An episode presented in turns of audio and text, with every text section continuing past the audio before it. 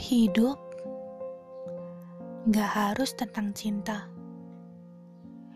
tapi hidup bagaimana kita bisa menghargai waktu yang ada, menghargai nikmat yang ada diberikan oleh Tuhan. Gimana caranya kita menghargai orang lain, menghargai diri kita sendiri mencintai diri kita sendiri, mencintai kekurangan kita, kelebihan kita, dan respect sama diri sendiri itu penting banget. Karena kalau tidak mulai dari diri sendiri itu dari siapa kita mau memulai itu semua?